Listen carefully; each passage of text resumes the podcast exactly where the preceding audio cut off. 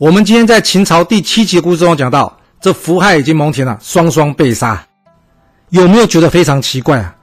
蒙恬拥有三十万大军，那造反不就好了吗？但有这么容易吗？还记得那个跳蚤实验吗？当在一个箱子里面，上面加了盖子，跳蚤不断的跳，不断的跳。有一天，当你拿开这盖子，跳蚤就不会跳过这箱子了。为什么呢？因为思想已经陷入了他的框框啊。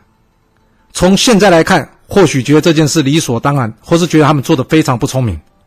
但是，我们有没有反过来想想自己，自己有没有被什么框框给框住了，而让我们思想无法被解放呢？历史刻画着人性，了解历史就能用不同的视野来判断问题。您说是吧？若想知道完整版故事，欢迎你到我的爱故事频道去听哦。